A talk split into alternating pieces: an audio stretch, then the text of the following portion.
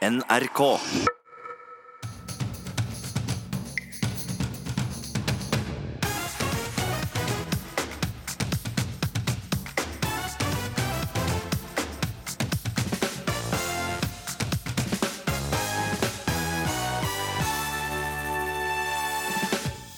Jeg vil bare ha pappa tilbake, sier dattera til spionsiktede Frode Berg. Til uka starter rettssaken i Moskva. Arvingene etter Se og Hør-redaktør Knut Håvik varsler rettslig oppgjør for å få sin del av farsarven. Skuespiller Nils Ole Oftebro har allerede skrevet testamentet for å unngå krangling. Og lysten til å dra på cruise har kanskje ikke blitt noe større etter å ha sett bilder av dansende inventar og høye bølger etter at Viking Sky fikk motorstans ved Mørekysten. På tide å legge ned hele cruisenæringa, mener debattant. Ja, du lytter til Ukeslutt, og jeg heter Gry Veiby. Det har vært en tøff uke for VG. Ja, Denne saken bekrefter inntrykket mange har, at man ikke kan stole på mediene, mener Eva Sandum, som er på vei hit. Og hør hvordan det gikk da Norges sjuende justisminister på under seks år skulle ramse opp forgjengerne sine. Og så var det Per Sandberg, og så var det Tor Mikkel Wara, og så er det med meg. Og har jeg glemt noen nå? Jon Georg Dale. Ja, Jon Georg Dale, ja. ja. Det var jo pinlig, for det var han jeg fikk nøkkelen av i dag. Men eh, seriestarten i fotball er bare timer unna. Klokka halv fire sparkes Eliteserien i gang når Odd møter Brann. Mange gleder seg, og noen mer enn andre. Reporter Stian Worsø Simonsen, du er i Skien, hjemme hos en som har venta på denne dagen helt siden i fjor høst. Ja, Han gleder seg noe så innmari. Og jeg er ikke bare hjemme hos han, jeg er faktisk på badet. Og nesten inne i dusjen hos Emil Sørlist. Han er en av Odds aller største supportere, og han gleder seg veldig veldig til at eh, serien skal starte. Akkurat nå så kommer det en splitter naken Odd-supporter ut av dusjen. Og du store alpakka, det er nesten to meter med mann, og han kommer nå mot meg. Og grunnen til at vi starter med en naken Odd-supporter, det er fordi at det her handler om ritualer. Det er masse ritualer du skal igjennom, eh, Emil Sørlist, før seriestarten? Ja, det er en del. Det er jo det også Få barbert seg, da. Eh, ta på rette bokseren, og så drakta. Så, men, men, det med barbering det er veldig viktig. Den skal være pynta og klar til, til, festen. Han snakker mye om barbering, og det er barbering av huet. bare sånn at dere vet det, For det her er en skalla, diger mann som gjør seg klar til seriestart. Han er også mannen som gifta seg på straffemerket på en av Odds hjemmekamper. Emil Sørlyst han gleder seg til seriestart. Gleder deg veldig, Emil? Ja, det er helt, det er helt sinnssykt. Dette er eh, absolutt eh, en av de største tingene i løpet av året. Det er seriestarten. Du skal få bli bedre kjent med Emil Sørlist og flere andre som gleder seg til seriestarten i fotball, som altså bare er noen få timer unna når vi er tilbake litt seinere i sendinga. 32 personer ble evakuert, og fire personer ble sendt til sykehus etter at et eh, vogntog tok eh, fyr i Gudvangatunnelen på E16 i Auland eh, i natt. Og reporter Geir Bjarte Jetland, du er i Sogndal. Hva vet vi om de som var i tunnelen da det brant?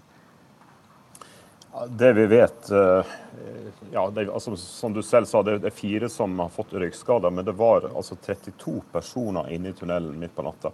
Og Det er jo litt spesielt, fordi at man, altså på et, man holder på med et større restaureringsarbeid av denne tunnelen. En rehabilitering som har pågått veldig lenge. Uh, og det var veldig mange arbeidere som var i tunnelen da denne kolonnen av uh, tunge kjøretøy kom kjørende inn i tunnelen. Og Da er det altså en, eh, en sjåfør da, som kjører en sånn ledebil, ei kvinne, som ser i sitt bakspeil at det rett og slett begynner å brenne i et av disse vogntogene. Og eh, hun får uh, hivd seg ut. Hun får tak i en sånn alarmtelefon som det er mange av langs veggene i denne 11 km lange tunnelen.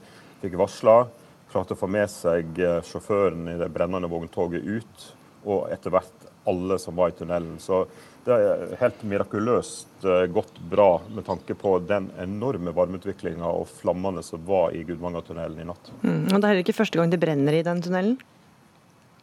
Nei, og Det er jo det som er veldig spesielt. da. Allerede i 2013 første gangen, og så senere i 2015, så har det vært dramatiske, omfattende branner i denne tunnelen som eh, ja, det ligger i Aurland kommune, helt innerst i Sogn. Eh, og er en veldig viktig veg, del av veien mellom Østlandet og Vestlandet. Og Begge gangene det har brent her, så er det snakk om vogntog som har brent. og som igjen har ført til at tunnelen har blitt stengt i lange perioder, mm. med de konsekvensene det får. Ja, hvilke konsekvenser får denne ulykken for trafikken eh, framover? Det blir jo litt interessant å se og litt spennende å se. Nå skal det eh, folka fra Statens vegvesen og fra Havarikommisjonen skal inn nå i ettermiddag og se på hvor skada tunnelen er denne gangen. Eh, den kommer garantert ikke til å bli åpna i dag og garantert ikke i morgen. Han vet rett og slett ikke hvor lenge tunnelen blir stengt, men det kan faktisk være snakk om flere uker. Og Det fører jo til at eh, all tungtrafikken mellom Øst- og Vestlandet, eller store deler av den, må gå eh, via Hardangervidda, eller må kjøre da E39 gjennom Sogn og Fjordane for å komme seg til Bergen. Som medfører ekstra kostnader og mange flere timer langs veiene. Mm, takk for den rapporten, Geir Bjarte Jetland. 5.12.2017 slutter Frode Berg å svare på meldinger, og han tar heller ikke telefonen når familien ringer. Det skal vise seg at han er tatt for spionasje og sitter fengsla i Russland. Til uka starter rettssaken i Moskva, og Bergs norske advokat Brynjulf Risnes er glad for at saken nå kommer i gang. Jeg tror alle nå er veldig letta. Altså, det har vært en veldig lang ventetid. Det er jo en eh, rettssak som kommer til å gå for lukkede dører. Russiske myndigheter sier at det er altfor eh, mange hemmelige dokumenter, hemmelige opplysninger, ting som eh, kan eh, skade den russiske statens sikkerhet hvis det blir kjent. Hva mener Frode Berg selv at han var, skulle i Russland? Nei, Han erkjenner jo deler av det faktiske innholdet. Altså at han har eh, overbrakt eh, penger i konvolutter til Russland. Eh, men det han på det sterkeste benekter, er at han visste at det var noe spionasje bak dette. Vi håper at det også foregår noe i kulissene her, da, at det er noen som snakker sammen, og at både russiske og norske myndigheter er innstilt på å finne en løsning, sånn at Frode Berg kan komme hjem raskt. Kristina Berg, du er eh, datteren til eh, Frode Berg. Når, når så du faren din sist? Det er lørdagen før han ble borte. Hmm. Den 3. desember. Hvordan reagerte dere da dere først fikk beskjeden om at faren din var sikta for spionasje? Det var et stort sjokk. Det var så uvirkelig, hele greia. Og tenkte her må være en misforståelse. Men så innrømmer altså Frode Berg at han var i Moskva for den norske E-tjenesten. Og Hva tenkte du den dagen da du fikk høre at det han var sikta for, faktisk stemte? Jeg tror man enda var i sjokk og syntes det var uvirkelig at det måtte være misforståelse av det her også. Men eh, jeg vil bare ha han hjem. Mm. Det er det eneste jeg tenker. Hva vet du og familien din om uh, hvordan faren din har det nå? Det eneste vi vet, er at det går greit etter forholdene. Det er det, og alt går jo gjennom ambassaden i Moskva. Ellers så vet vi ikke så mye mer enn det. Og Sist du så han altså var i desember eh, i 2017. Hvordan har denne ventetida vært? Den har vært forferdelig. Det har vært tungt. Det Ja det har vært veldig tøft for alle sammen. Man kan ikke forholde seg til ting. Man må sette livet på vent. Man skal være der i tilfelle det skulle skje noe. Man må bare ha motet oppe og håpe på ha et håp. Mm. Og dere har heller ikke fått lov til å reise inn og besøke han? Nei. Hvorfor ikke det? Han vil heller ikke at vi skal komme ned dit og se sånn som ting er der, og hvordan han sitter. Øystein Bogen, du er utenriksjournalist i TV 2 og forfatter av boka 'En uvanlig spion', som handler om eh, Frode Berg. og Du har fulgt denne saken tett. Hva er det som gjør Frode Berg til en uvanlig spion? Frode Berg var en uvanlig spion sett med dagens øyne i en eh, tid hvor eh, digital teknologi gjør at det aller meste av etterretningsvirksomhet i verden foregår ved hjelp av eh, internett. Her ser det altså ut som den norske etterretningstjenesten altså har sendt en norsk, utrent sivilist ut på et oppdrag som i bunn og grunn må kunne sies å være livsfarlig. Og med det så gikk man egentlig tilbake i tid til en praksis som det ser ut som den norske etterretningstjenesten har bedrevet i mange tiår, nemlig akkurat akkurat dette å verve til dels uvitende og uforberedte nordmenn til å reise på denne typen veldig farlige oppdrag. Ja, for Frode Berg sier jo selv også at han føler seg lurt inn i dette, og at han ble manipulert. Men med tanke på bakgrunnen hans, så vil jo mange mene at han må ha visst hva han har gjort. Han jobba flere år som grenseinspektør på grensa mellom Norge og Russland, og det var heller ikke første gang han dro til Russland på vegne av Etterretningstjenesten. Hva, hva sier du til det, Bogen? Ja, alle mine kilder eh, i, i, denne boka de forteller jo at uh, Frode Berg var jo, eller er jo, en veldig hjelpsom person. Han er ikke den typen som sier nei til noen. Uh, og, uh, så det kan jo forklare noe av det, men i tillegg så er det jo et stort spørsmål her. Hva har disse norske føringsoffiserene forklart Berg? Fortalte han om hva dette oppdraget gikk ut på? Fortalte de f.eks. hvor farlig det kunne være? Og sa de i det hele tatt noen ting om hva de kunne gjøre for å hjelpe ham dersom noe gikk galt? Kristina Berg, hva tenker du om det faren din har gjort? det er jo det er vanskelig å svare på. Jeg bare vil ha han hjem. Mm. Uansett hva han har gjort. Mm. Hvordan vil du beskrive han da, for dem som ikke kjenner han? ja, det er en fantastisk mann. Det er han. Han er snill og grei og vanskelig for å si nei til folk. Vil være med på mye, oppleve ting. Og nei, han er bare en fantastisk far og bestefar til mine unger. Bogen, innholdet i tiltalen er ikke kjent, men hva slags straff kan Berg eh, vente seg? Ja, Den russiske straffeloven den eh, er ganske streng på dette feltet. og Uansett om man da blir tatt for medvirkning eller faktisk spionasje, så er det en strafferamme på mellom 10 og 20 år. Nå sier jo Berg selv, ifølge sine advokater, at han eh, erkjenner seg ikke skyldig i tiltalen som sådan, siden han da eh, ikke skal ha visst eh, nøyaktig hva det var han var med på. Og advokatene hans prøver jo da i den forbindelse å få senka denne straffa så mye som mulig, men minimumsstraffen er ti år. Mm. Ja, Kristina Berg, Hvilke tanker gjør du deg når du hører om hva minimumsstraffen er i denne saken? Først når man fikk høre det, så fikk man jo helt sjokk og tenkte det går ikke an. Men jeg håper virkelig at det jobbes i kulissene. Mm. Har du noen tro ja. på at uh, den kan løse seg? Jeg velger å ha troa, ja. Mm. Hva tror du om det, Bogen? Hva kan bli utfallet her? Altså jeg er jo for det første helt overbevist om at russiske myndigheter ikke har noen interesse av å ha en norsk pensjonist sittende borte hos seg i ti år, eller enda lengre. Og jeg tror også at denne situasjonen oppleves som relativt uholdbar for norske myndigheter. Eh, det er vel rart, tror jeg, om ikke ting har foregått på bakrommene her, og at man enten er i gang med eller har kommet til en eller annen form for avtale som gjør at Berg vil få komme ut av fengsel i løpet av ikke så altfor lang tid. Og så sitter han jo eh, i et eh, ganske berykta fengsel i Moskva. Bogen, hva slags fengsel er det? Ja, dette Lefortovo-fengselet er jo et av Russlands mest beryktede fengsler. Det er forbeholdt noen av de farligste fangene som finnes i, i landet. Terrorister, mistenkte terrorister, spioner, eh, mafialedere, den type folk. Eh, fengselet er nok beryktet først og fremst pga. graden av isolasjon man opplever der inne. Eh, det er svært enkle forhold i, i tillegg. Det er et fryktelig kosthold, ifølge mine kilder. Eh, og det er et eh, fengsel som jo har tradisjoner, eh, aner tilbake langt i sovjettiden, hvor det jo foregikk både tortur og, og, og henrettelser der. Kristina Berg, hvilke tanker gjør du deg når du hører om dette fengselet han er i?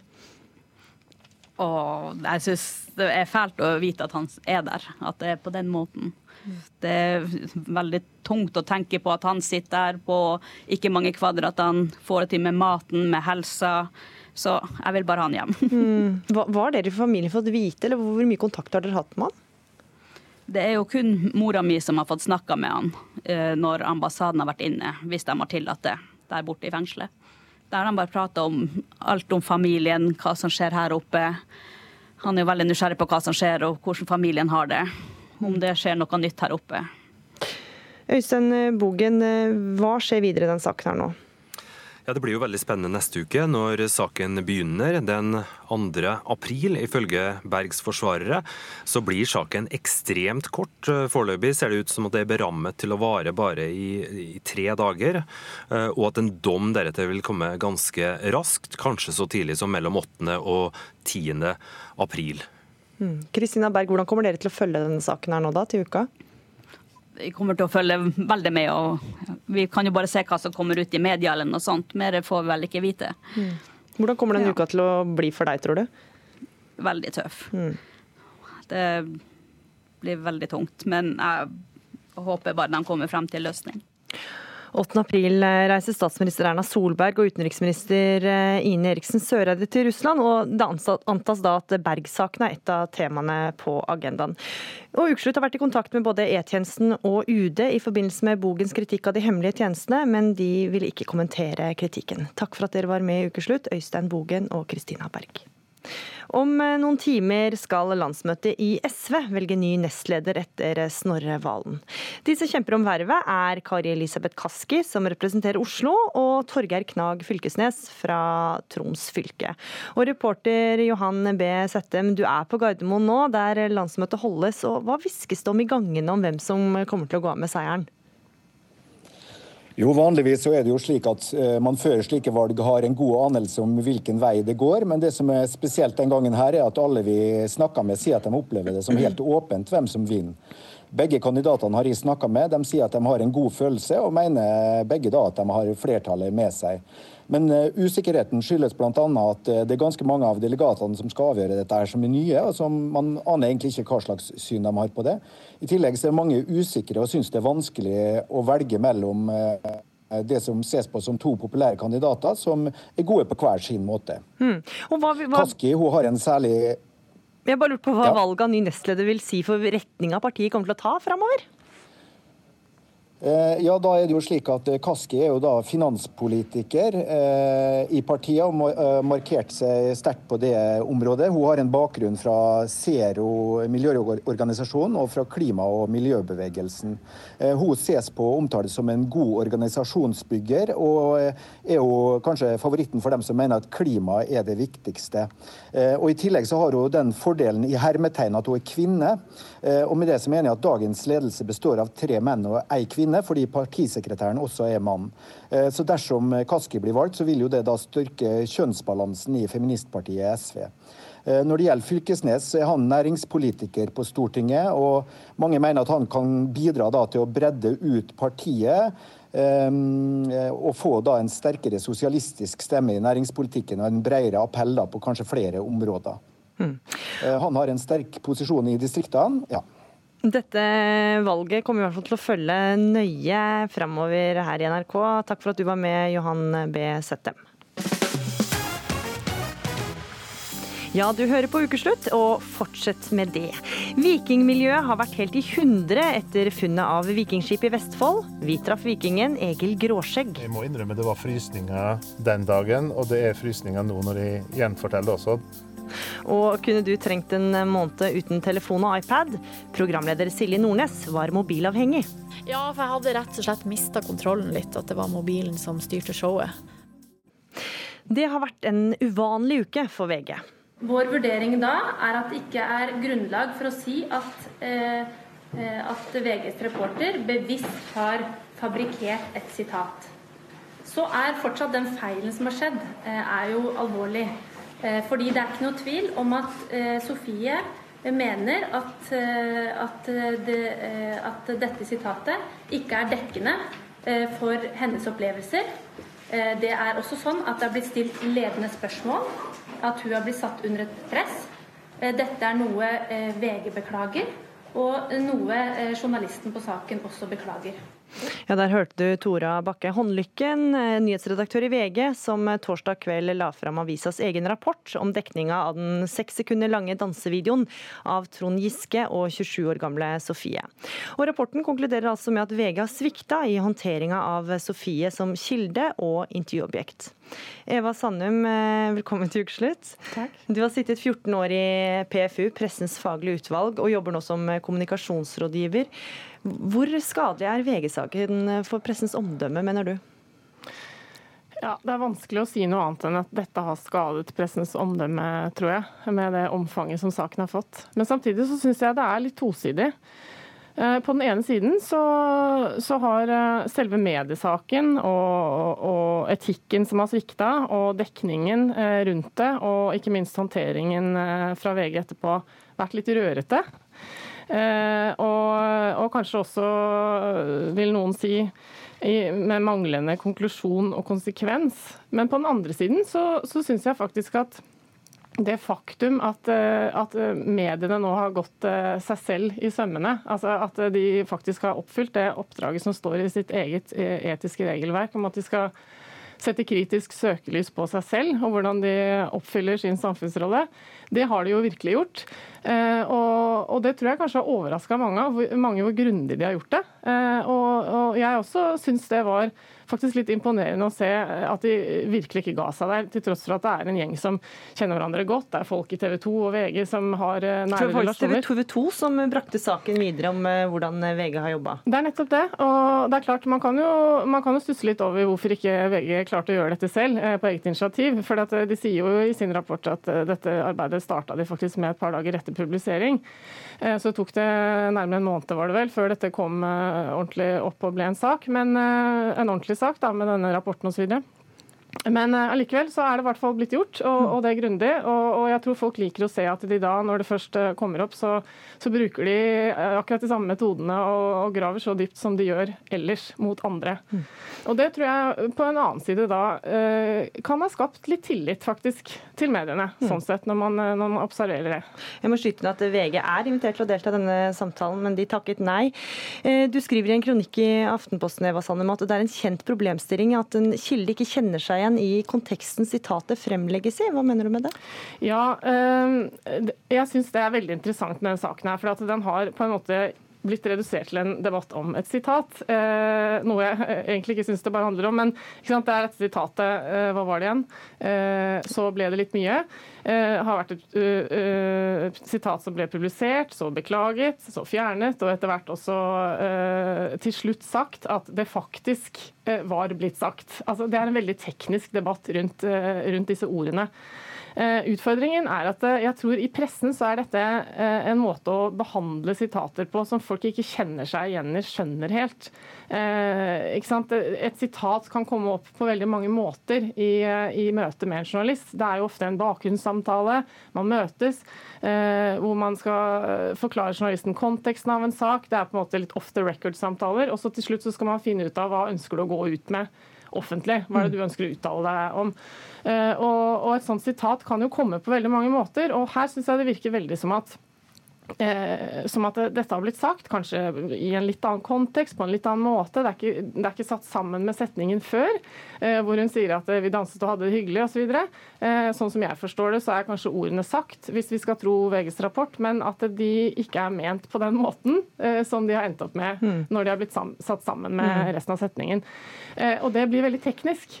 Jeg tror det, det, er, det er, et problem, ikke sant? for jeg tror veldig mange som er kilder, i media opplever nettopp det at de har en samtale, og så blir det noe helt annet mm. når det kommer på trykk. Selv om det er eh, godkjente sitater. Og Du har jo opplevel, eller, eh, erfaring fra begge sider av bordet. Du opplevde mm. pressen på nært hold da du var kjæreste med kronprinsen i Spania i flere år, fram til 2001.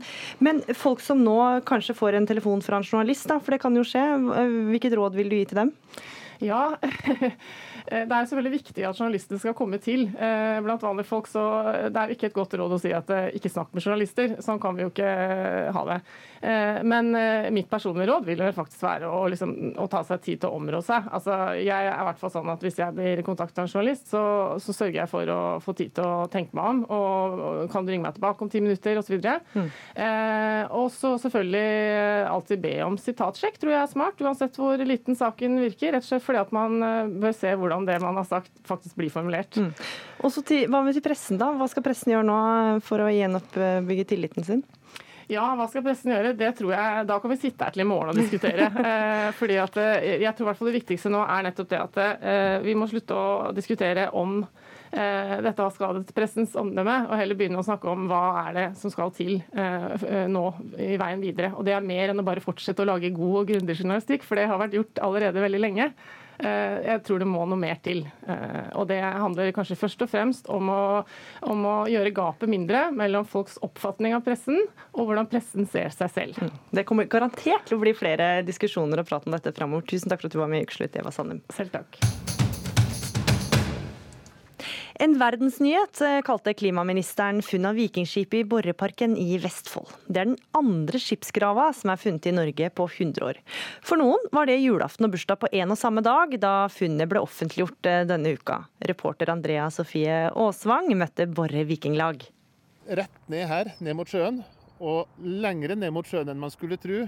Der har de da funnet via georadar eh, ting som tyder på at det kan ligge et, et skip der gravd ned, ikke i en haug, men rett under flat bakke. Det sier høvding i Borre vikinglag, Egil Johnsen, også kjent som Egil Gråskjegg. Han følger meg til Vikinglagets ukentlige håndverkssamling, for hver torsdag samles nemlig en gjeng vikingentusiaster for å drive med håndarbeid. Og ukas funn av en ny skipsgrav var selvfølgelig et tema.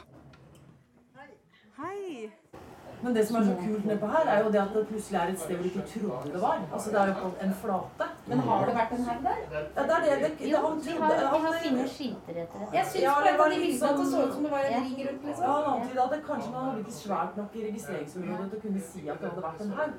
Sjøl om funnet av den nye skipsgraven på Borre er tema, er det håndverket som er i sentrum i kveld. Og Kirsten Tufte forklarer gjerne hva de ulike håndverksmetodene er. Dette her er nålebinding. I vikingtiden så strikka de ikke, de nålebandt. Og det er ikke hekling og ikke strikking. Det, det er som å sy. Kirsten Tufte har holdt på med håndarbeid fra vikingtida i over 20 år. Hun lager egne små sager, smykker og klær. For de sorte her sånn, det er leire. Som jeg lager ferdig leire. Så putter jeg de i en eh, jerngryte med halm. Så snur jeg den opp ned, og så er bål rundt. Og dagen etter, når dette her er kaldt, så kan jeg åpne jerngryta. Da er eh, redusering, kalles det. Når lufta brenner opp med den halmen. Og da ligger det nydelige svarte perler nedi. De svarte perlene henger på et smykke som er fullt av ulike typer anheng.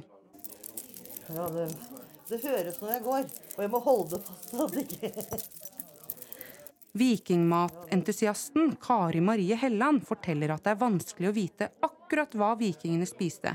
De har jo ikke etterlatt noen kokebok eller noe lignende. Sånn er det. Vi har én runestein i Vestfold. Den står det øl på.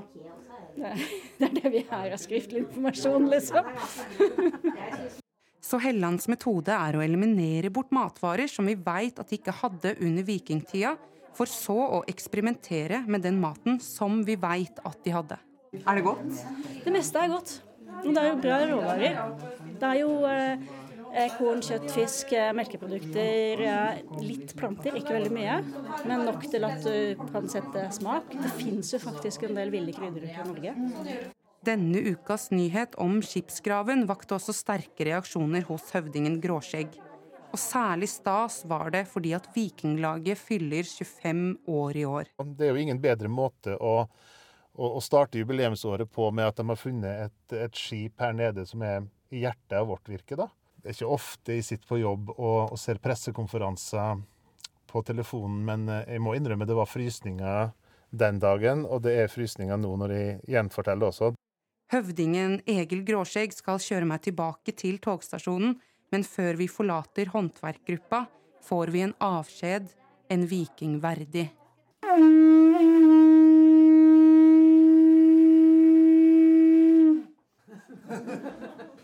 Romantikk, rosa høye drinker og rolig blått hav. Det er kanskje glansbildet mange har av det å dra på cruise. Men for en uke siden endra nok det seg for en del.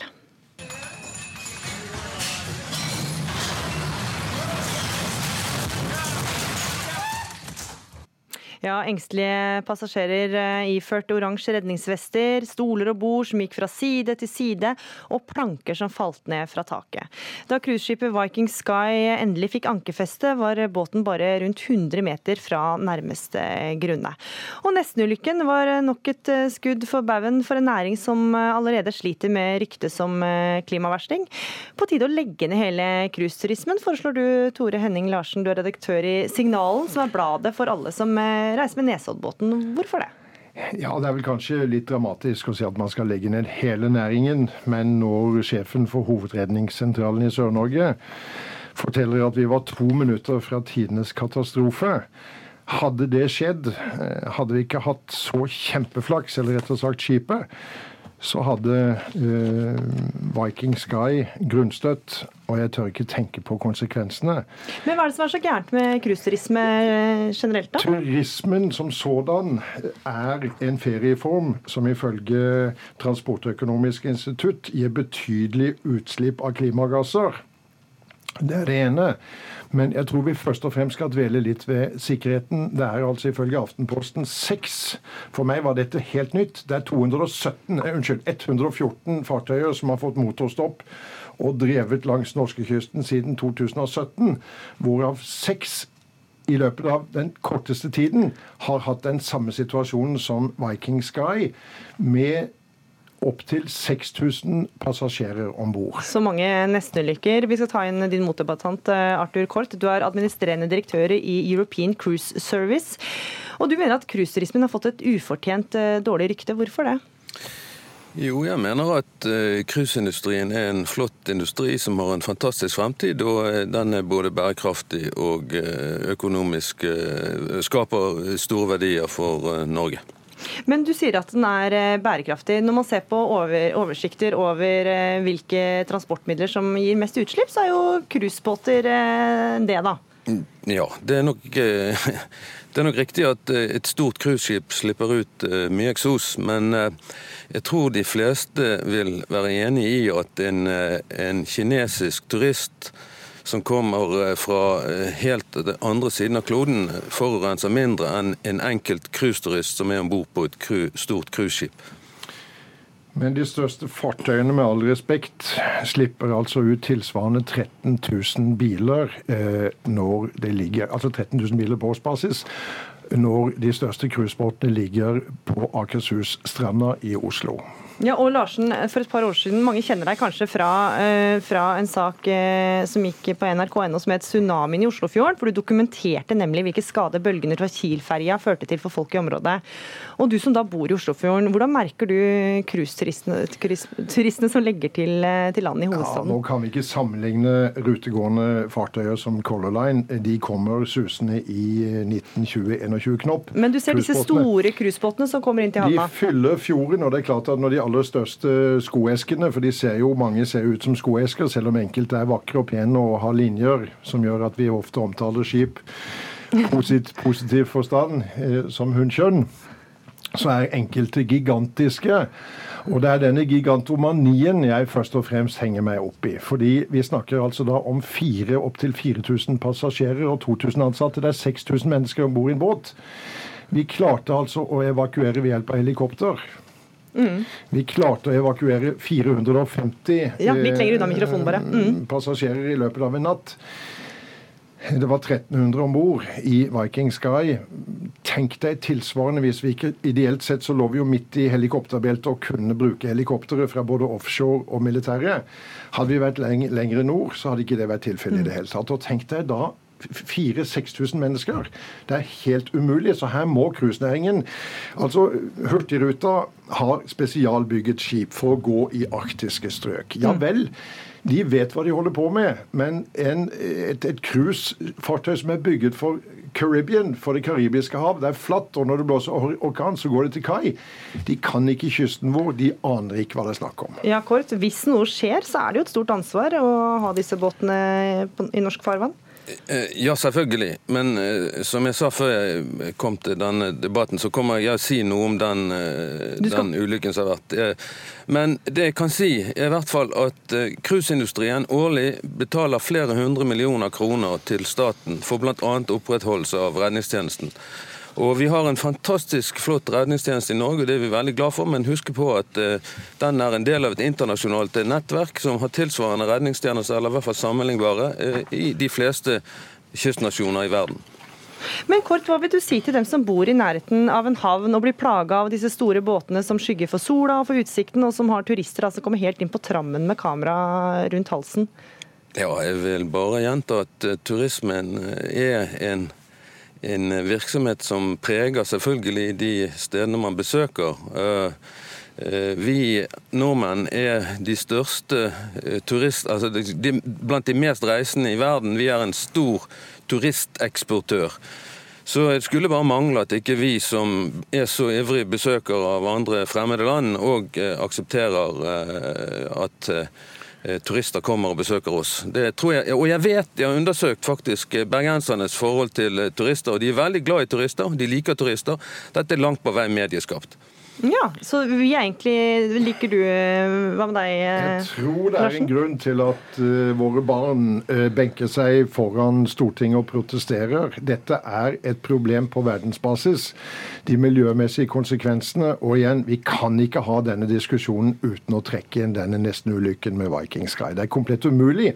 Jeg tør ikke tenke på hva, hvordan samfunnet hadde reagert dersom uh, inntil 1300 mennesker og mest sannsynlig så hadde de aller fleste om bord i Viking Sky forulykket eh, i det iskalde vannet eh, hvis Viking Sky hadde vært to minutter vi snakker om to minutter under en katastrofe. Mm. Og Hvem skal betale for dette her, Arthur Kort? Altså, Redningsaksjoner koster mye penger, men er en båt i avsnudd, så må vi jo trå til?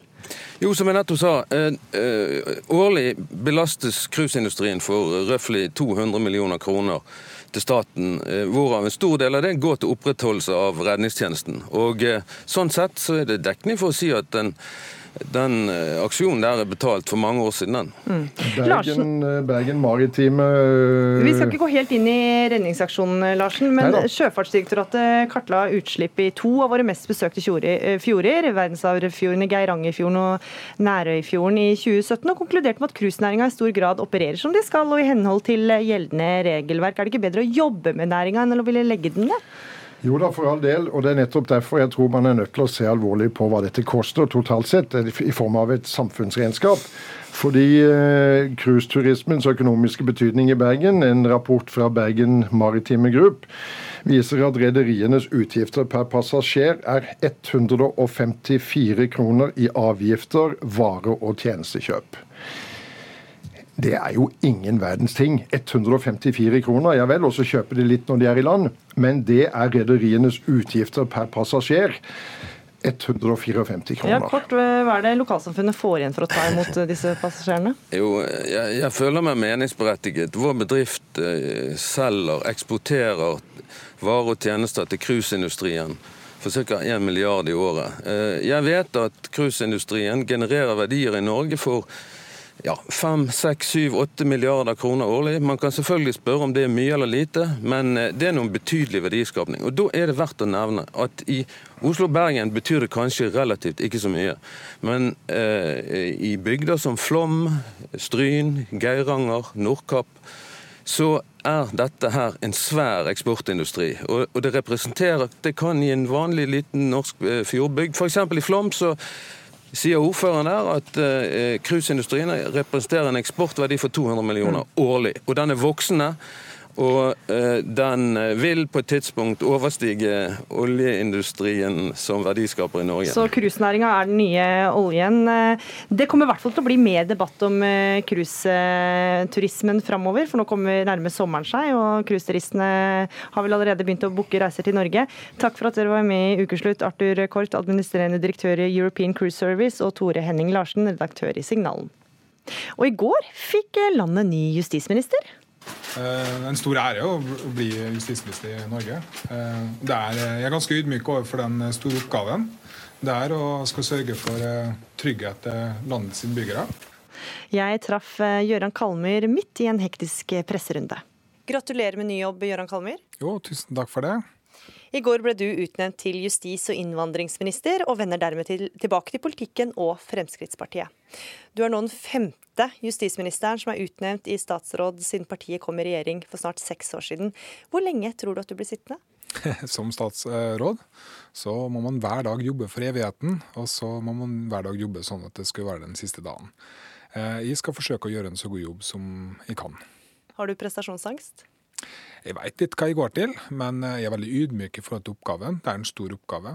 Jeg skal være med og sørge for trygghet til innbyggerne våre. Eh, så det er en oppgave vi tar veldig seriøst. Og, det er, eh, jeg føler også at det er en veldig ærefull oppgave, og en veldig viktig oppgave. Du var statssekretær, først under Anders Anundsen og deretter under Sylvi Listhaug. Og så trakk du deg delvis pga. familien. Hva endra seg? Nei, Det er så enkelt som at eh, da jeg fikk beskjed om at vi skal ha tvillinger, så fikk jeg også beskjed om at uh, mor da, kunne rett og slett ikke løfte de siste tre månedene før tvillingfødselen, for da kunne man risikere tidlig fødsel. Og så hadde vi to små barn fra før som må løftes. Uh, og da må jeg rett og slett være hjemme mer. Så det var den enkle grunnen da. Nå har de gutta blitt tre år og er trenger ikke bli løfta så mye mer om bord kan løfte. Så nå er ting veldig annerledes. Eh, men så klart at eh, jeg føler jo litt på det. Jeg har fire små barn hjemme, og de krever jo sitt, dem også. Og det er jo ingen grunn til å forvente korte arbeidsdager? Det er det ikke. Eh, samtidig så hadde jeg jo en jobb også der jeg hadde mye lange arbeidsdager. I 2015 sammenligna Trine Skei Grande deg med Saddams informasjonsminister komiske Ali i forbindelse med din omdiskuterte reise til Eritrea. Hvordan blir det å sitte rundt kongens bord med en som har gitt deg det skussmålet? Ja, Vi møtes i dag, og vi hadde en veldig hyggelig samtale. Er Så alt er glemt? Ingen problem for meg. Og vi må huske på at det ble sagt for en stund tilbake. Forholdene i Eritrea har jo nå forbedra seg. Det er positive tegn der nå. Og så klart det var enklere for meg å se de positive tegnene som var i Eritrea, enn det var for Trine, som fikk en annen informasjon der hun satt hjemme i Norge. Så det var ikke riktig å kalle deg komisk Ali? Det er slik som man gjør av og til i politikken. Jeg er overhodet ikke hårsår. Din forgjenger Tor Mikkel Wara gikk av tidligere denne uka etter at PST sikta samboeren hans i samtlige av trusselsakene mot familiens bolig. Har du snakka med Wara? Jeg har sendt han en tekstmelding i dag. Han var jo en av mine politiske forbilder da jeg var ung. Og jeg syns det er en forferdelig trist sak. Sånn sett så er det jo en trist sak som er grunnen til at jeg har blitt justisminister. Men jeg er nødt til å gjøre jobben og fullføre det Tor Mikkel har satt i gang. Han har gjort utrolig mange bra ting i hans tid som justisminister, og det gleder jeg meg til å fullføre. Kommer du til å snakke mer med han, eller? Det kommer jeg helt sikkert til å gjøre. Fordi jeg har veldig stor respekt for Tor Mikkel eh, som politiker. Eh, men så klart, den selve saken, etterforskningssaken, det skal jeg holde meg langt unna. For det er et påtalespørsmål som jeg har ingenting med å blande meg opp i. Mm. Og så, Hvis vi tar med alle vikarene, så er du den, da, den sjuende justisministeren landet har hatt på under seks år. Og Det norske folk har kanskje gått litt i surr, men du kan jo rydde opp da. Hvem er dine seks forgjengere? ja, Det var Anders Hansen, Per-Willy Amundsen. Og så var det Sylvi Listhaug, og så var det Per Sandberg, og så var det Tor Mikkel Wara, og så er det med meg. Og har jeg glemt noen nå? Jon Georg Dale? Ja, Jon Georg Dale, ja. ja. Det var jo pinlig, for det var han jeg fikk nøkkelen av i dag. Men det var veldig bra. Liverpool eller ManU? Liverpool. Solskjær har blitt ny sjef, eller trener for Manchester United. Du er jo Liverpool-fan. Håper han skal lykkes, eller ikke? Jeg ble ikke akkurat fornøyd med å først ta treneren fra yndlingslaget mitt i Norge, Molde, og så sette ham i Manchester United, og så begynne å vinne kamper. Det ble litt uh, too much. Så er det tommel opp eller tommel ned for Solskjær? Nei, altså jeg håper han kommer på andreplass bak Liverpool neste år. Cruise eller camping? Jeg har aldri vært på cruise, jeg har vært på camping, som Frp-ere er flest. ja, det var jo Ja, det ble aldri en ny campingtur, for å si det sånn. Men blir det cruisetur, da, eller? Nei, det blir det vel ikke. Vi liker å gå på fjellet, vi. Sylvi eller Siv? Ja, jeg liker jo egentlig begge to. Begge to har vært sjefene mine. Så Men Det var ikke spørsmålet, det var Sylvi eller Siv? Men går det an å gjøre forskjell på så flinke damer, da? Nei, jeg syns ikke det. Veldig politisk korrekt svart. Se for deg at du benker deg foran TV-en sammen med noen du er glad i. Og så setter dere på en film du har gleda deg lenge til å se. Men ti minutter inn i filmen, så begynner konsentrasjonen din å glippe. Nå er det egentlig palmesøndag i år, tenker du, og så tar du fra mobilen. Oi, du har fått en melding, den må du sjekke. Apropos påske, kanskje du skulle leid en hytte? Går inn, du går inn på søkefeltet til Google og begynner å sjekke etter hytter. Og så sier den du skulle se film med, 'hallo, skulle ikke vi se på filma?' Kjenner du deg igjen? Da er du kanskje en av dem som kunne trengt en digital detox. Det prøvde vår reporter Julia Afshari Kaasa seg på. Jeg skal legge de vekk, begge to. Jeg, Jeg skal legge lagt- vekk min òg. Jeg har jo lagt min vekk. Ja, men nei, et oh, ja, sted den skal er ikke være tilgjengelig i det hele tatt. Nei, du skal ikke være tilgjengelig i det hele tatt. Det er poenget. Her er jeg skikkelig streng med samboeren min. Og det er fordi at jeg er litt grann stressa, fordi vi begge to er mobilavhengige. Det første vi ser når vi står opp om morgenen, er blålyset fra mobilskjermen. Og det er også det siste vi ser før vi legger oss på kvelden. Og nå skal vi prøve oss på en såkalt digital detox, som er en liten pause fra telefonen. Legger de bare i bokhylla der. I bokhylla? Ja, Ok, det er sånn, da gjør jeg det nå. Vi er enige om å starte detoxen, eller avrusningen, som vi også kan kalle det, ganske mykt. Vi skal se en hel film uten å bruke mobiltelefonene våre. Da er det film. For jeg hadde rett og slett mista kontrollen litt, at det var mobilen som styrte showet. Og det er litt slitsomt. Jeg og samboeren min er ikke alene om å ha det sånn. Hele fire av ti nordmenn mener at de bruker for mye tid på mobiltelefonen. Silje Nordnes er programleder i P3 Morgen, og for tre år siden så bestemte hun seg for å gå en hel måned uten smarttelefon. Finner du ut av det du trenger? Eh, ja, jeg er på jakt etter en uh, mobiltelefon som, uh, av en litt sånn enkel sort. Vi skrur klokka tilbake til april 2016. Nordnes står foran butikkhyller som er fylt med skinnende nye smarttelefoner til mange tusen kroner. Men hun velger seg ut en liten Doro-telefon med enorme taster. På den så finnes det ingen skritteller eller tilgang til nettaviser. Men kommer jeg meg på internett med denne telefonen? Nei. Da har vi funnet det vi er ute etter. Eh, Sånn at når jeg da kom hjem den ettermiddagen, så var det en sånn slags følelse av eh, bare sånn Det var så stille. Eller det bare ble helt sånn Jeg visste ikke hva jeg skulle gjøre. Lå bare på sofaen og kikka ut i lufta, og så følte jeg en sånn slags Det var kanskje en sånn følelse av sorg. Eivind Tredal er den første jeg kommer på når jeg skal finne folk som bruker mye tid på telefonen. Han sitter i Oslo bystyre for eh, Miljøpartiet De Grønne. Han er en Twitter-entusiast, og innimellom så kan han være en kranglefant på internett. Hvis noen eh, skriver sånn eh, Her er grunnen til at Eivind Tredal er en idiot og får 10 000 likes, så blir jeg ganske sur av det. Jeg tenker Det var irriterende at de syns det. Tredal er som sagt eh, ivrig på Twitter, og i løpet av denne uka så har han postet hele 87 innlegg på nettstedet. Jeg spurte han om han kunne tenke seg å gjøre en liten detox for å være med i denne reportasjen, men det hadde han ikke lyst til. Er du avhengig av telefonen? Ja, veldig, veldig. Men det er jo fordi alt er på den. At liksom eh, Ja, ringe folk, sende meldinger eh, i sosiale medier. eh, Låse opp hvis jeg skal bruke sykkelhotellet, eller hvis jeg skal gjøre tusen andre små og store ting i hverdagen. Liksom. Så det er jo bare det at alt er liksom kobla mot den. Men lengter du aldri etter en pause?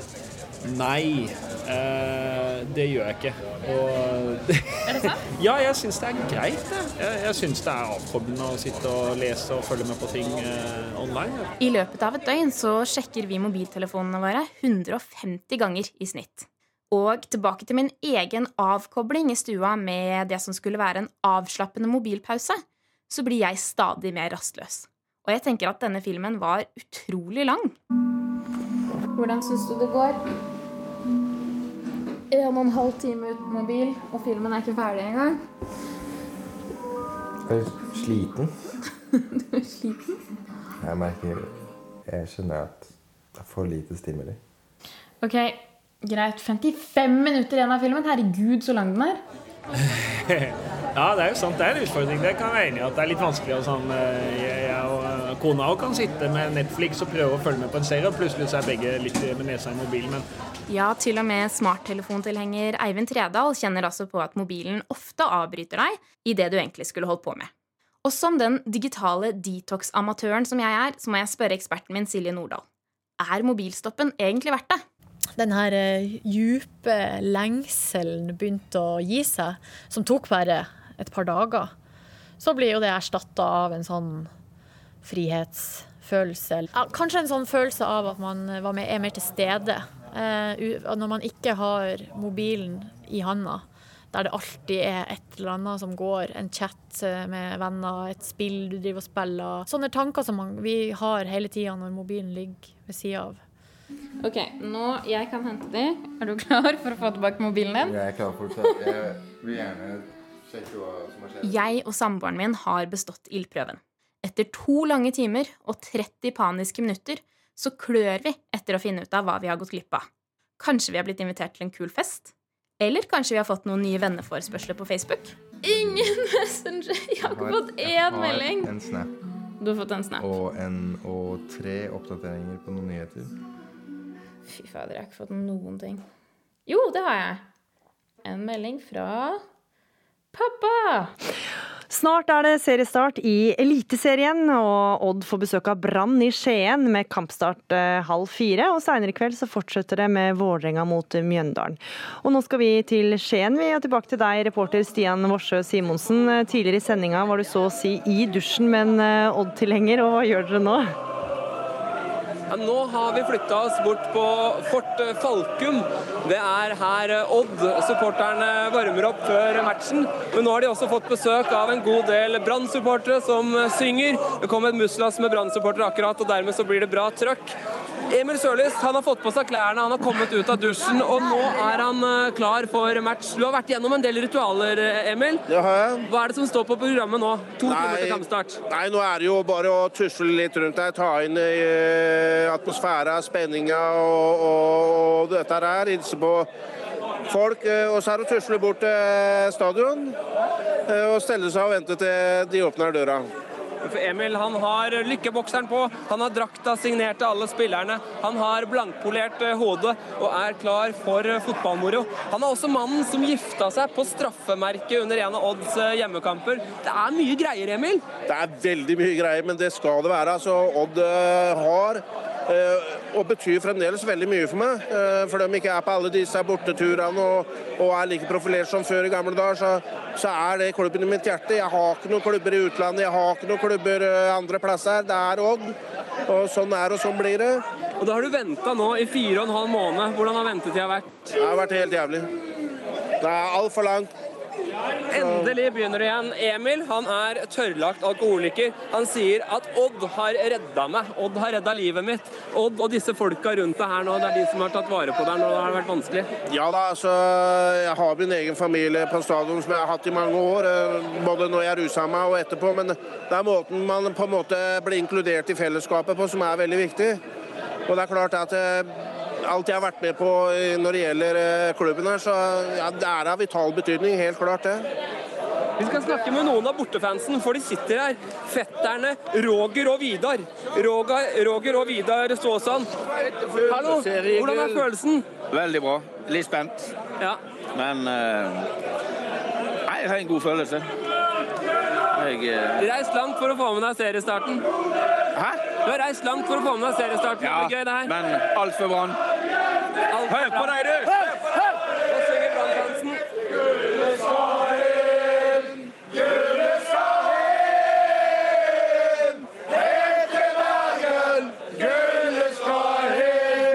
Kanskje et lite overtak til Brannfansen på eh, på Odd sitt eh, fort. Vi er på Fort Falkum. Det blir kok. Kampen starter om to timer.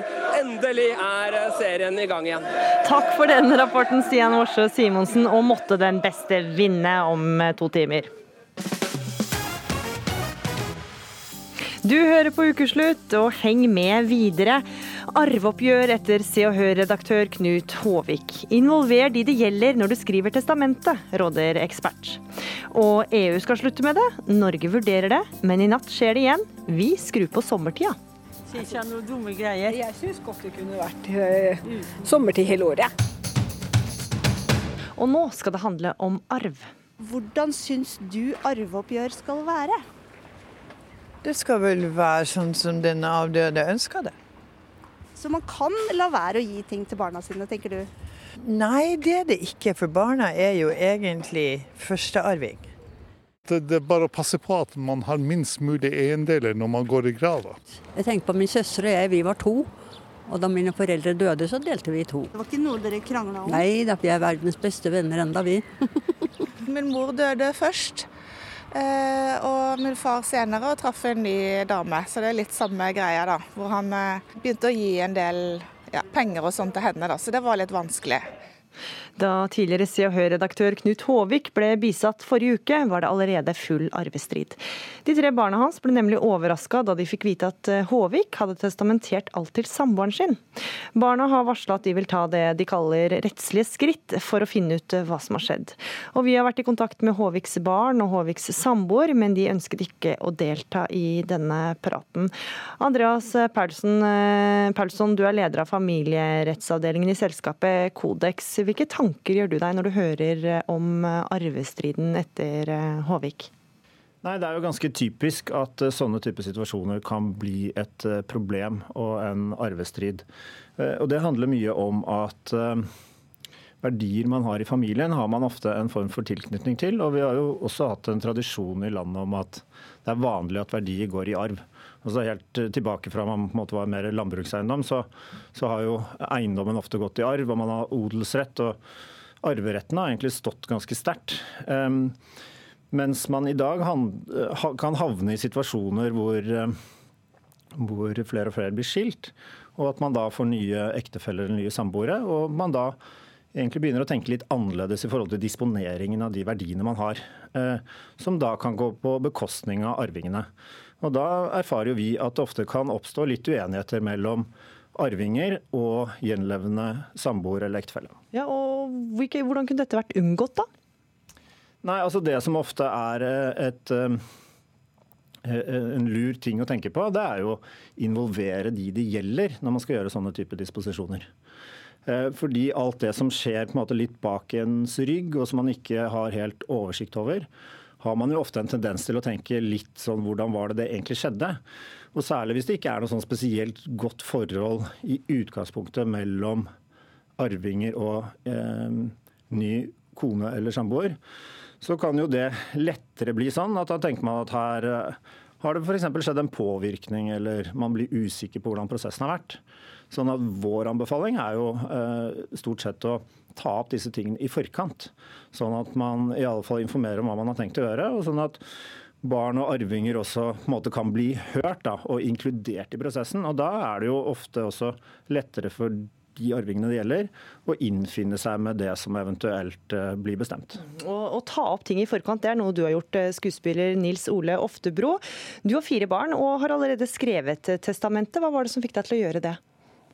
Ja, det var vel at jeg hadde hørt om situasjonen som den som nå ble beskrevet. Så jeg fant ut at uh, det beste jeg kunne gjøre for å hindre at når jeg er borte, at min litt yngre samboer og mine barn fra første ekteskap og min sønn fra dette ekteskapet, at de skulle begynne å bli uvenner over uh, fordelingen av uh, ting som jeg nå eier. Så jeg satte opp et uh, testamente og viste det til alle sammen. Til uh, ekskoner og nykoner og uh, ny, Unnskyld, ny kone. og, og mine Høres så voldsomt ut, dette Og alle fire barna. Og så fikk alle lov til å komme med sine kommentarer til det. Og så kjøpte og solgte vi litt på forskjellige ting. Ingen ble vel 100% fornøyd, men alle er i hvert fall informert, og alle vet hva som kommer til å skje. Og alle har skrevet under på testamentet, og det er tinglyst. Så, så dere klarte så, faktisk å bli enige? Vi klarte å bli enige med etter en del frem og tilbake. Alt var ikke like strømlinjeformet, og, og, og eh, alle var ikke like begeistret. Men sånn er det nå en gang. Når det er interessemotsetninger, så vil alle gjerne ha sikret seg og sine og sine barn og frem og tilbake. Så det er klart at her må man kjøpe og selge litt, men eh, nå er alle vel forlikte.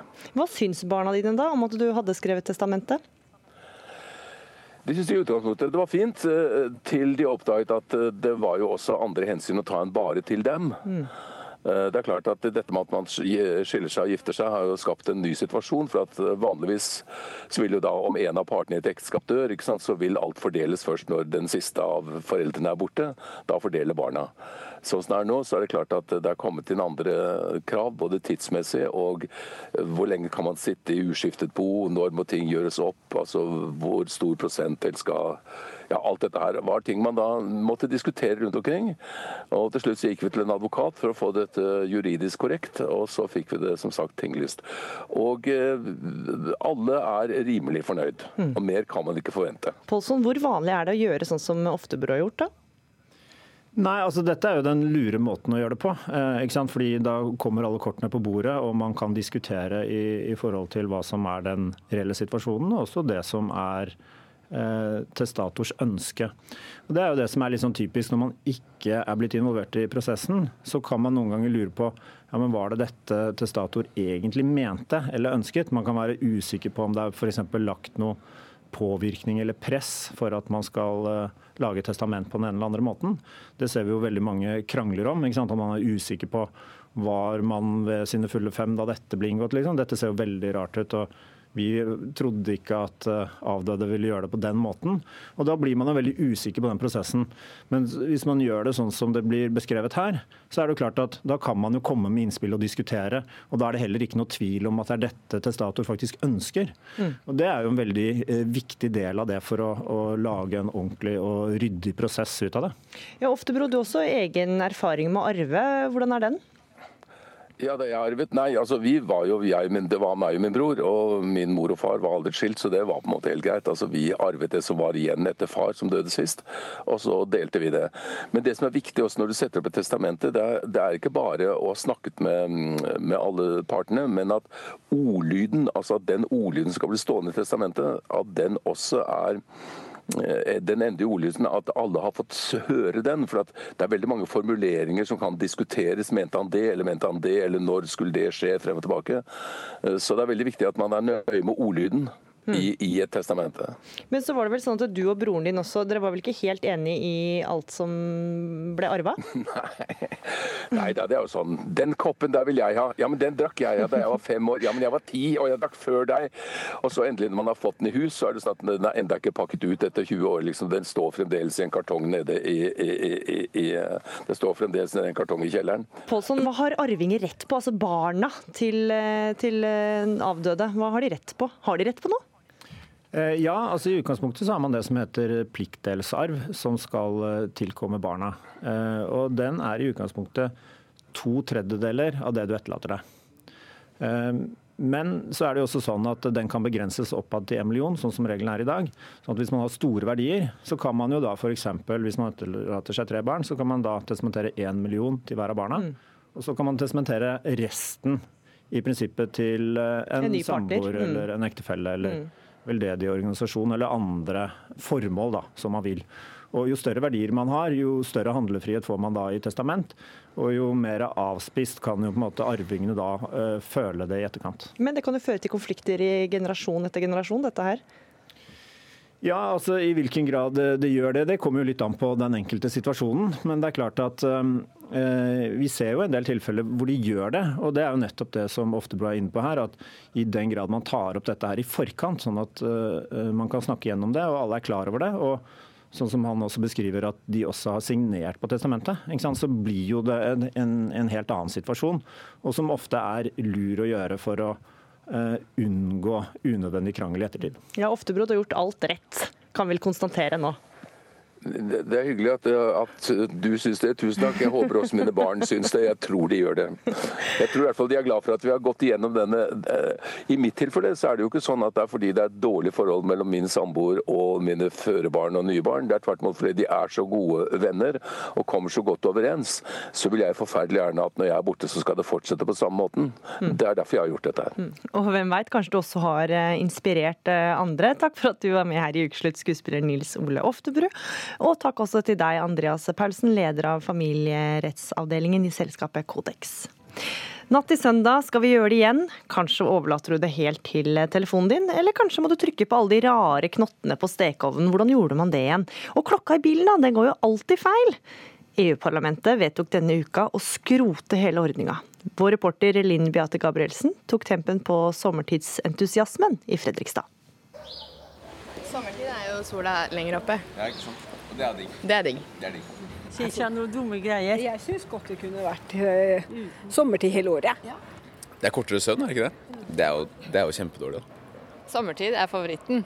Hvorfor det? I hvert fall når du spør meg nå på våren, da, for nå, nå lengter jeg etter at det skal bli lysere. Og nå syns jeg det er kjempedeilig at vi skal stille klokka. Mm. Ja, der har vi den. Etter å ha forsøkt sommer- og vintertid i perioden 1959 til 1965, blusset debatten opp igjen i 1969. Eh, Spørsmålet om sommertid eh, er dukket opp i avisspalten igjen. Spesielt de som ikke slutter arbeidet før la oss si halv fem og fem, og som gjerne nå ville nytte denne deilige årstiden til litt friluftsliv og mosjon. Men så er da situasjonen den at når de er eh, ferdig, kommet hjem og er ferdig med middagen, så er det liksom for sent å, å dra ut. Jeg er ikke helt sikker på om dette med å, klokka er den riktige måten å få folk ut i naturen på. Eh, å få folk ut i naturen, det tror jeg er et spørsmål om holdning. Først i 1980 ble ordninga slik vi kjenner den i dag. Og det betyr travle dager, forteller Dag Grønnevær hos urmaker Johan Mathisen i Fredrikstad. Da er det litt mer hektisk, for da drar folk av kronene på klokkene sine og gjør mye rart, som at vi må rette opp i det. Datoen bytter midt på dagen, f.eks., og da må vi stille den tolv timer fram. Og det er det veldig mange som ikke skjønner. så det er relativt enkelt for oss som er i bransjen, men eh, eller som kan det, holdt jeg på å si. Alt er enkelt når du kan det. Men denne uka vedtok EU-parlamentet å skrote hele vekslinga mellom sommer og vintertid. Så for min egen del personlig så syns jeg jo det at dette å holde fast ved å stille klokken sånn er litt gammeldags og Jon Henrik Haraldsen er redaktør for nettstedet Tidssonen. Han er litt mer opptatt av klokker enn de fleste. Han drar fram store bokser med klokker som har spesielle historier. Min, min uh, interesse for klokker startet jo litt med typ klokker som dette her. Casio digitale klokker. Mm -hmm. Som jeg syntes var veldig morsomt. Da. Og det var jo veldig uh, moderne da jeg var barn, og, og, og, ting som var gøy fordi det var så utrolig robust. Så det her var jo Den gule klokken her er jo en klokke som jeg ønsket meg veldig lenge, og som jeg fikk til en, en fødselsdag da jeg var kanskje Jeg tipper jeg kan ha vært sånn rundt 11-12 år. Så det er jo en klokke som jeg fortsatt syns er morsom å ha, men det er jo en klokke som går på, på, batteri. Og den gang så visste jeg jo ikke om det engang, at det fantes klokker som, som ble trukket for hånd, og som, og som, gikk på en fjær og ikke batteri. Den starter på et kick, det er makeløs manikken. Husker du følelsen da når du fikk den gule klokka, når du tok den på armen første gang? Ja, det var jo, det var jo stas, det. Det var jo på, på, fødselsdagen min. Jeg husker faktisk at jeg husker jeg tok den på, og jeg husker jeg spurte kan jeg få den på meg på skolen. Og, så det, det, er et sånt minne jeg har veldig, veldig um, godt minne. Men så husker jeg også det hvordan jeg nesten misbrukte den litt ved å slå den ned i pulten og i bakken sånn for å vise da, for vennene mine at dette her var en klokke som tålte alt. Og utrolig nok så, så overlevde den jo. Men, men ja, selv om det er en kjemperobust klokke, så er det jo også grenser for hvor mye de, disse klokkene egentlig tåler. Hvor langt har du vært villig til å gå for å skaffe deg en klokke, liksom? Hva som er litt den morsomste historien jeg har hørt om. og det er at han, han solgte faktisk eh, bilen sin for å kjøpe den første klokken, som var en sånn Omega måneklokke. Så det er, det, er, det er, enkelte som går veldig langt for å, for å kjøpe de klokkene man, man ønsker. Klokka to natt til i morgen forsvinner 60 minutter sporløst inn i evigheten. Eller for å si det mindre poetisk, da starter fire millioner nordmenn et organisert selvbedrageri med én klokketime som innsats. Dette selvbedrageriet kaller vi altså sommertid. Men husker du nå igjen om klokka skal stilles fram eller tilbake? Jeg ble fortalt en sånn huskeregel at man, eh, man tar hagemøblene frem om sommeren, og så tar man det tilbake på, eh, før vinteren. Og da må klokka stå fram, selvfølgelig. Ikke sant? Du skal alltid stille henne mot sola, så da skal vi vel en time fram, da. Her i NRK har vi vært behjelpelige gjennom tidene, som i dette innslaget fra Dagsrevyen i 1986, hvor et elghode titter ut av en luke med en varseltrekant. Men eh, hvordan var det når vi skulle gjøre dette her? Klokka er to, og så blir det tre. Slik er det. Mm. Har du gått på en blemme noen gang? At du har glemt å stille klokka, og så Ja, det har jeg gjort. Da skulle jeg på jobb på tidlig vakt, så da fikk ikke nattevakta komme seg hjem. Det er dårlig stemning da, eller? Nei da, det gikk bra. ja, det har skjedd ganske mange ganger, men nå slipper jeg unna, da, fordi nå har man jo telefoner som fikser det sjøl. Har du kommet for seint, da, eller? Jeg tror jeg har kommet for tidlig. Jeg har hatt flaks med den.